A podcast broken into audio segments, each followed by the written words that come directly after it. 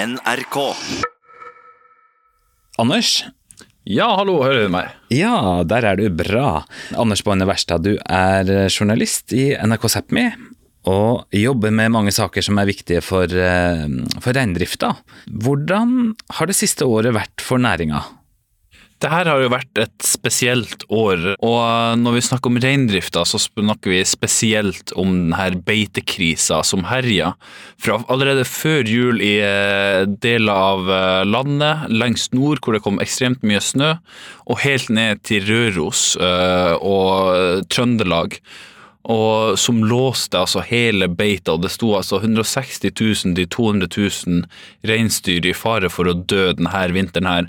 Så det har vært en veldig spesiell vinter på veldig mange forskjellige måter. Mm. I tillegg til, eh, til snø og korona, så er det jo mange som, eh, som sliter med bl.a. rovdyr. Og du har truffet en som står overfor et vanskelig valg nå. Vi har altså møtt Mats Pavval. Han er i sin mest uh, fysiske beste form. De sa han er i den perfekte alderen, og hvis Mats ikke kan drive, hvem uh, kan drive med det her da? Sa noen av de familie, nære familiemedlemmene av Mats som jeg møtte på fjellet. De er tre i slekta som driver altså Døkta reinbeitedistrikt. De har ingen andre som står klare til å ta over uh, reinbeitedistriktet. Så det er altså historia om Mats. Mm. Og du har skrevet en sak, og den blir publisert på nrk.no. Etter at jeg fikk vite at du hadde truffet Mats, så syntes jeg det her hørtes så viktig ut at jeg mm, ringte han og spurte om jeg også fikk lov til å treffe han, og det fikk jeg lov til. Og her eh, er samtalen jeg hadde med han. Nå sitter jeg her med Mats Pavall i skogen utenfor Fuesco, bedre kjent som Fauske på norsk, i Nordland. Velkommen til Tett på. Takk. Du har tidligere engasjert deg i politikken for Norgarika Sameservi, og så har det vært Åfalars i sin tid, altså samisk veiviser. Og så var du i ferd med å utdanne deg til å bli arkeolog, men den utdanninga avbrøt du for å begynne i reindrifta. Og nå er du leder i Duokta reinbeitedistrikt i Nordland. Hvorfor avbrøt du utdanninga for å begynne i reindrifta? Jeg avbrøt for det, det var tida for at jeg skulle begynne. Det var generasjonsskifte, og min, min onkel han skulle jo pensjonere seg, så så da passa det seg. Da måtte jeg bare hive meg ut i det. Ja. Hvor gammel var du da? Da var jeg 24 år. Det er et ganske forpliktende valg, er det ikke det? Ja, det er et forpliktende valg. Reindrift er jo ganske mye kontinuitet. Altså, man må jo helst ha en langsiktig plan. Man gikk jo inn med og ønska jo at man skulle gjøre det her på full tid til helt til man ble gammel. Man har jo vokst opp i det her, så man hadde veldig lyst til å være, ha en sånn livsstil, skulle jeg si. Man er jo litt bestemmig sjøl, og, og man får lov å jobbe praktisk. Være ute. Være mye ute i naturen. Hvor langt tilbake går um, reindrifta i slekta di, da? Den går langt tilbake i tid. Jeg veit ikke. Det du, man er så langt tilbake i tid at det nuller jo ut. Det fins jo folk der Eller det, det fins ikke historie lenger. Hvem de var der for tiende generasjon, det vet vi ikke. Men antagelig drev de med, med rein. For når de først blir nevnt, så er det jo reindrift. Mm. Du, nå sitter vi her, du har fyrt opp bål, og vi drikker kaffe. Altså, nå ser vi på et fjell. For å komme på det fjellet, så må man krysse E6. Mm. Hvordan er det for dere? Mister dere dyr der, eller? Ja, hvert år har vi jo påkjørt rein på E6. Rein har jo et iboende behov i å følge de her trekkrutene som de alltid har gjort. For det er det eneste de kjenner til. Og kanskje er det ofte det eneste praktiske mulige. Og eh, reinen går jo både natt og dag. Gjerne her fjellet vi har bak oss, så er det veldig mye rovdyr. I form av jerv og Ja, også gaupe og ørn, men, men spesielt mye jerv, da. Så reinen her oppe, han har ofte ikke fred når han er der på vinterbeite. Og... Så da trekker han ned, og da er det ganske mye de her lavereliggende områdene vi har rundt E6-en, kalles jo for Fauskemyrene. og Det er et helt annet område i dag enn det var for både 20 og 50 og 100 år siden. Da var det jo faktisk myr, alt sammen, men nå er det jo blitt oppdyrka. Så det er jo et begrensa areal for hva reinen har å finne på da, der nede, når han kommer ned hit. Etter. Da vil han jo gjerne trekke over E6-en før man i det hele tatt rekker å, komme til han. Da blir det fort påkjørsler. Hvis de kommer seg over myra og opp i fjellet, er den trygg når den kommer opp dit? Nei, som regel er han jo ikke det, da. For han har jo, han har jo grunnen til at han er på den retninga, er jo for at han har et ønske om å fere vestover, der han vet at det er både mindre rovdyr, men også kanskje mindre snø. Og når han kommer opp dit, så har han vel to valg, og det ene er å fere nordover, og det andre er å fere sørover. Fer han nordover, så havner han i et litt sånn dumt område der han blir å stange mot mye snø. Han skal helst ikke være der på vinteren, for det er der han sommeren skal kalve. Så da må vi få dem vekk derifra. Mens de aller fleste de fer sørover, og der er, er dessverre både riksvei og jernbane. Og eh, når han først kommer opp på fjellet der, så har han da tatt sitt valg, så, så fer han ned i skog der man ikke greier å styre på han, og vanskelig å både finne han og, og nå tak i han. Og da, da er det sånn at da havner han på jernbanen, uansett. Hvor mye mister dere til jernbanen, da? Det, det der det er egentlig et definisjonsspørsmål, for jo, man slipper jo alt man har i hendene når man vet at reinen er på trekk dit. et. Og det, har man rein her øst for E6-en, så, så det, er det jo ens betydende med at den reinen der, han blir jo være uten, uten gjetervokting. For da må man skynde seg til jernbanen. Man får jo ofte, blir jo ofte møtt med mot at eh, ja, dere må jo gjete rein, det er jo sånn du unngår rovdyr. Men det er jo litt vanskelig når man da plutselig har rein både på E6-en og på, på jernbanen. Så. så når han kommer dit, så må man jo prøve å få han samla sammen. Men, men det, det er ofte veldig utfordrende med i, på vinterstid, med all, alt vær og vind som finnes. Hva mener du er den største mm, trusselen sånn sett? Er det, er det rovdyr, eller, mm, eller de mer sånn menneskeskapte trafikkårene som vi har lagd? Jeg vil si Det er jo en kombinasjon som gjør at man står i en situasjon man er i dag. Det at vi egentlig ikke vet hvor, hvor mye bærekraft man har igjen. Det at vi ikke, antagelig ikke klarer å fortsette lenger. Det er vel kanskje mer det at, at storsamfunnet ikke har prøvd å forstå og, lagt til rette for at man skal ha ei bærekraftig reindrift. I Sverige, der, kan, der gjøres jernbanen inn. Men det er det ikke den samme aksepten for her. Visse år har vi hatt veldig store tap på jernbanen, men det, det er en stund siden. I fjor, da hadde vi vel, var det 15 reiner, tror jeg det var. Men eh, det har jo også noe med at vår reinflokk blir bare mindre og mindre. Det er jo det som også gjør at mye av eh, livsgrunnlaget forsvinner. At man ikke snart har, har råd til å rett og slett drive med det. Men, eh, men klart, når vi har 30-40% tap, har vi regna ut nå, sånn jevnt over de siste ti årene, I året? ja, til rovdyr, så, så er det jo Det er veldig vanskelig å opprettholde et reintall, da. Den flokken som man skal ha for å få det til å gå rundt. Men så fødes det jo nye kalver, selvfølgelig. da. Det, vil det si at flokken har blitt mindre og mindre og mindre for hvert år som har gått, rett og slett? da? Ja, sakte, men sikkert så blir han det. Så har vi jo veldig stort tap derpå i kalvingstida. Og utover mot, mot juni, juli kanskje. Mens, mens reinen er små, og kanskje kongeørna ennå har unger i unger som skal ha mat. Men især der i mai, så er det jo ganske stort tap til. Det er jo der det største tapet er, det når de små kalvene kommer til verden. De er veldig sårbare. Ørna, hun vet jo. Hun står jo klar. Og når resten av naturen ikke har, eh, har så mye annet å tilby, det er jo ikke gjort her. Det er jo, rådyr er det jo nesten ikke. Etter fjellene vi ser, ser her nå, der vet jeg at det bor, jeg har sett et par år på rad, der har det vært en hare. Men det, man kan telle på ei hann i løpet av en sesong harespor som er oppfor tregrensa. Og det, det er et alvorlig symptom. For det er jo faktisk, haren skal jo være et bærende element for rovdyrbestanden. Sånn at når våren kommer, så er det ikke så mye mer for, eh, for kongeørna å ta seg til. Det er rein hun må ha, for det er det eneste dyret som er der ute og kan tilby ting. I veldig stor grad så er det det. Det ser jeg nå det her med at eh, naturen er jo i en veldig sterk endring. Det er så få, få insekter. Jeg husker bare jeg var 17 år og gikk og samla til kalvmerskinga. Og jeg var i en dal, og det var sånn, når jeg la meg på den kvelden, så hørte jeg sånn Jeg, jeg søvna til at det ennå gikk ekko inni ørene mine. Jeg hørte fuglekvitringa. For det var så utrolig mange fugler der. Småfugler.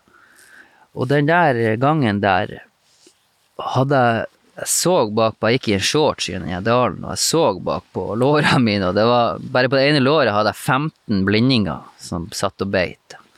Og så var det nesten like mange på leggene og på det andre låret.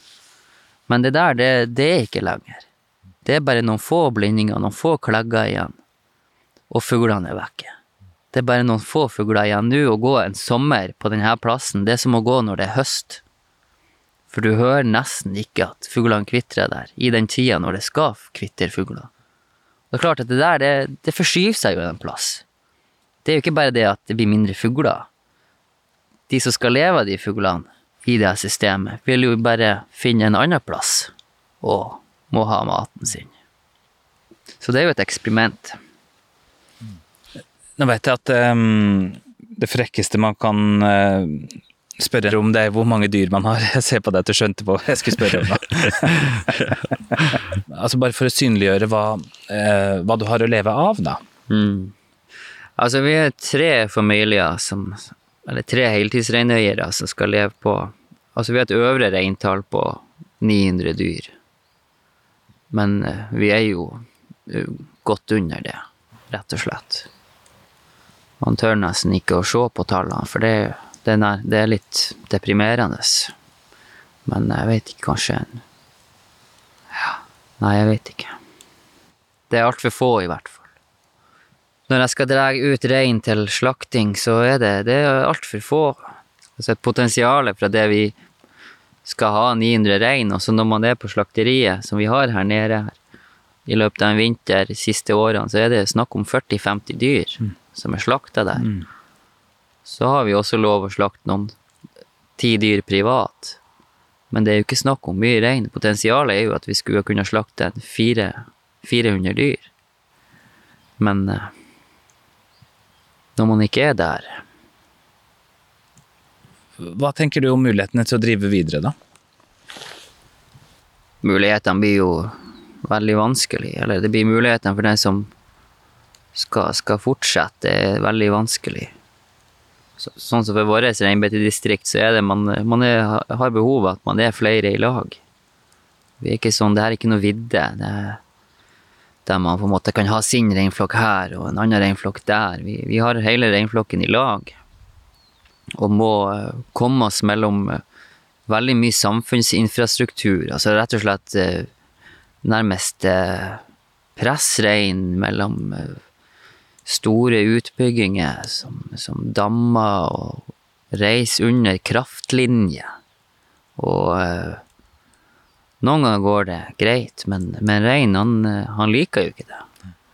Og ofte bruker man å ha en tamrein, eller at vi går med bjølle framfor. Da må det, er en person som må gå der framme. Og da må man ha noen der baki òg. I hvert fall, hvert fall to stykker. En som styrer den ene kanten, og en som styrer den andre kanten.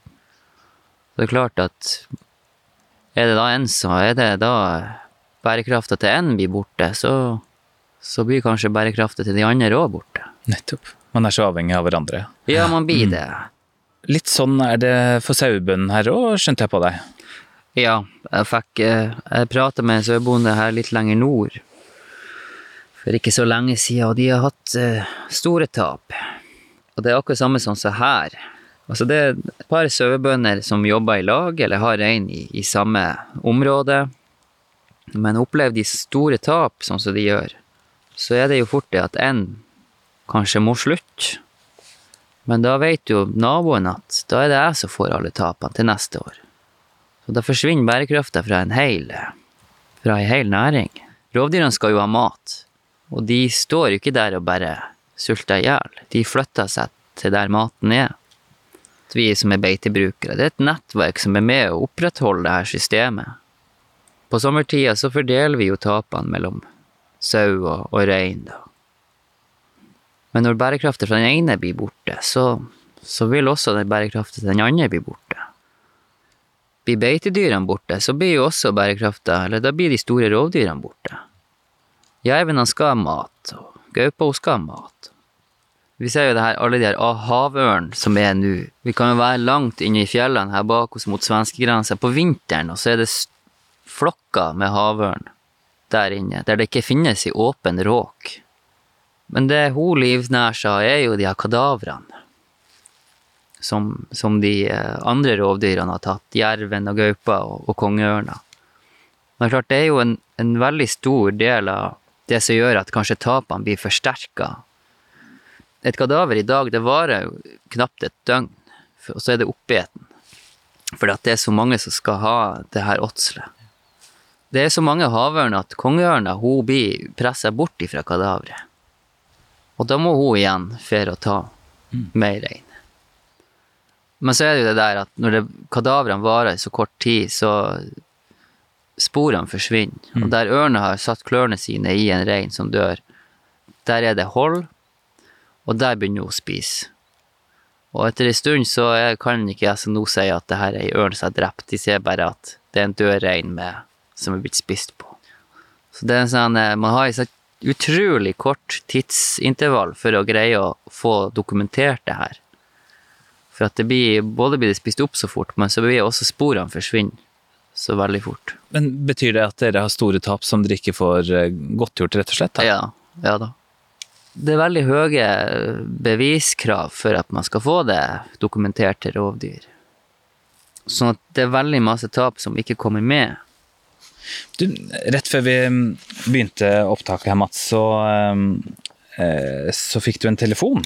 Hva, hva handla den samtalen om? Ja, det var en reineier som ringte meg, han er sørenifra her. Og han sa at han hadde hatt så store tap nå, og han lurte nå på hva Altså tap til rovdyr, han lurte på hvordan det gikk her. Jeg har ikke prata med ham på over et halvår. Så det var, det var jo en, en urovekkende beskjed å få. Det man kanskje da ser litt grann bakom horisonten, det er jo at det, det, det er jo en Han trenger hjelp. Du har jo førstehåndskjennskap til næringa. Du ser hvordan dyrene oppfører seg, hvilke utfordringer de støter på. Opplever du at den kunnskapen som du har, blir tatt hensyn til i forskningsarbeidet som ligger til grunn for å ta politiske beslutninger? Veldig lite. Sjelden blir man egentlig spurt, rett og slett. Det er vel ei form for bestilling, da. Departementet gjør en bestilling om, til naturvitere om hvordan er ståa for reindrifta. Man må jo inn og spørre dem det gjelder. Skal man i hele tatt få et godt svar, og ei pekepinn på noe. Eh, Her i Nordland så er det to på heltid som jobber med SNO. Som jobber for SNO. Altså Statens naturoppsyn? Ja, Statens naturoppsyn. Og de er jo mye ute og, og ser, kanskje. Mens vi er 30-40 heldrifts- heltidsreindriftsutøvere som er mye ute og ser. Allerede der burde jo regne om bjelle, at man burde bli spurt. Og den kunnskapen som vi ser, og den, det vi erfarer da, den Man kan sette det i en vitenskapelig kontekst. Den er etterprøvbar. Men da, da fordrer det at man blir spurt. Men hvilke svar og hvilken kunnskap skulle du gjerne delt med, med de som eh, jobber med det her på, på sentralt hold, da? Ja. Nei, det, det, det, det er mange ting man kunne prate om. Og sikkert mange ting som man ikke kunne prate om. Altså, økosystemtanken syns jeg er vekke. Ja, rein er en art. Og rovdyrene er en art. Og det er mange andre arter i naturen. Men det samspillet der, og det behovet som trengs for at dette samspillet opprettholdes, det er, det er borte. Det er ikke der. I hvert fall ikke når det kommer til de politiske beslutningene. Rein har en veldig viktig del i økosystemet. Beitedyr, sau òg. Og det å miste dette samspillet med, med resten av naturen vil være fatalt. For det er den veien det går. For veldig mange. Og de få da som er igjen, vil de klare det presset som vil bli igjen av den, de rovdyrene som vil trekke inn? Det, det vet jeg ikke, men det, det er stor sannsynlighet for at det kan være vanskelig for dem òg. Jeg tror det er der man må, man må starte, i hvert fall. Og så har jeg et siste eksempel. Det er det her med at eh, fem-seks år tilbake i tid, da hadde vi i løpet av ett døgn så hadde vi fem gauper i reinflokken. Mens eh, det, det SNO sa til slutt, det var vel at vi var bare tre. Men det vi så, det var at For at da, da, det, da var det snakk om ei hann, en, antagelig ei hanngaupe, eller i hvert fall ingen unge med. Ei gaupe uten unge, og så var det to med hver sin unge. Og det som skulle til da, det var jo at eh, hvis de her to skulle bli sett på som to forskjellige ynglinger, så måtte de være var det tre mil unna hverandre. Men de her to var 27 km ifra hverandre. Men det reindrifta visste, vi så, det var at denne gaupa skulle i løpet av ett døgn ha beveget seg 27 km, og på den tida skulle hun ha drept to reiner og hvilt to plasser. Det gjør ikke ei gaupe. Så det er sånne der ting som er med reindrifta sine kunnskaper, som, som skulle ha vært med. Men kjenner du deg mistenkeliggjort i kraft av ditt yrke? Jo, det, det er klart. Altså, man, man, blir jo sett på som en næringsinteresse. Kanskje det er en sånn der tro at uh, man bare passer på å si egen kappe og nærmest kan gå og si hva man vil. Men eh, kunnskapen er nå der likevel. Hva mener du skal til for å kunne gi deg og din driftsenhet en bærekraftig eh, utvikling videre, da? Ja, jeg tror det her med at man må legge til rette, samfunnet må legge til rette for at, at beitenæringen skal bestå. Fordi at den har så viktig rolle for rovdyrene. Men så er det jo det her at uh, beitedyrene har jo en viktig rolle for resten av naturen. Den virker jo ikke bare oppover i næringskjeden, den virker jo nedover òg. De her, de her få sauebønder som er her igjen, og noen de driver jo med slåttemark. Så det er jo snakk om jeg hørte et tall der det var 600 forskjellige insektarter som, som rett og slett blir borte hvis man, hvis man legger ned. Mm. Ville det vært mulig å utvikle samfunnet på en måte som den jevne borger forventer, uten at det går på bekostning av f.eks. reindrifta, da? Ja, det tror jeg. Det tror jeg absolutt. Altså, Løsningene må jo ligge lokalt. Men samtidig må man i samfunnet spørre seg sjøl hvilken bærekraft har man hvis man ikke greier å bevare naturen? Næringer har jo kommet og gått, men mennesket kan ikke bestå uten naturen. Det spiller ingen rolle hvor, hvor teknisk avansert man blir. Det eneste som har berga oss, det er naturen. Og hvilken rett har vi egentlig å egentlig være her, hvis ikke vi greier å bevare det? I Finnmark i vinter så, så er det mange som måtte fòre dyrene pga. at det var så mye snø. Og det var en ny situasjon for mange der, da. Mm. Ville det vært en mulig løsning for deg her, å gjøre dyrene enda tammere på et vis? Ja, altså det er, alt, det er mye som er mulig med en reinflokk, men altså det, det, er noe der med Altså, hva er det man ønsker å oppnå? Så man kunne jo sikkert ha fôra rein i gjerdet hvert år men da forsvinner jo rein fra naturen. Da er han jo ikke der lenger. Det er jo ikke noe fordel for naturen at rein skal være i gjerdet, stå der og gjette pellets. Altså det, er jo, det er jo når han beiter, det er jo da han gir sin positive effekt på landskapet og naturen. Det er en grunn til at de, at de flytter, flytter på seg, og at reineierne alltid flytter mellom beitene. Og det er jo sånn rein også er. Han tar, han tar litt her og litt der, og så vandrer han litt videre. Han husker veldig godt hvor han har beita, og hva som finnes der. Så legger han igjen til neste gang. Så han har en sånn iboende tanke at han skal kunne komme tilbake i en annen situasjon. For da er det mat der igjen. Han, han beiter ikke tomt. Han, han skal hele tida på flytting. Mm. Ja. Har du bestemt deg for å avvikle, eller er det sånn at du frykter at det er den veien det går? Altså, det er jo en grunn til at jeg gjør det her. Det er jo for at jeg Jeg har vel funnet ut at det, det eneste jeg kan gjøre nå, det er å legge alle kortene på bordet. Kanskje kan det gi en effekt. Kanskje kan man få at det blir handling i det her.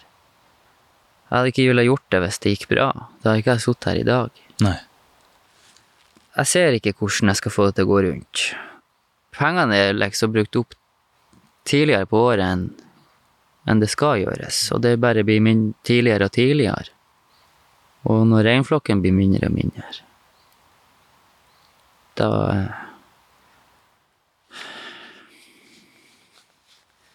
Da, da er Jeg ser ikke hvordan jeg kan fortsette under det her. Er det mulig å kombinere det med en ni til fire-jobb, da? Nei, det går ikke. Det man må være tre der på heltid. Og sånn ser man i det ressursregnskapet som gis ut, ressursregnskapet for reindrifta. Og det, det, er to, jeg, På ei side så er det to grafer der. Det ene er reindriftas inntekter.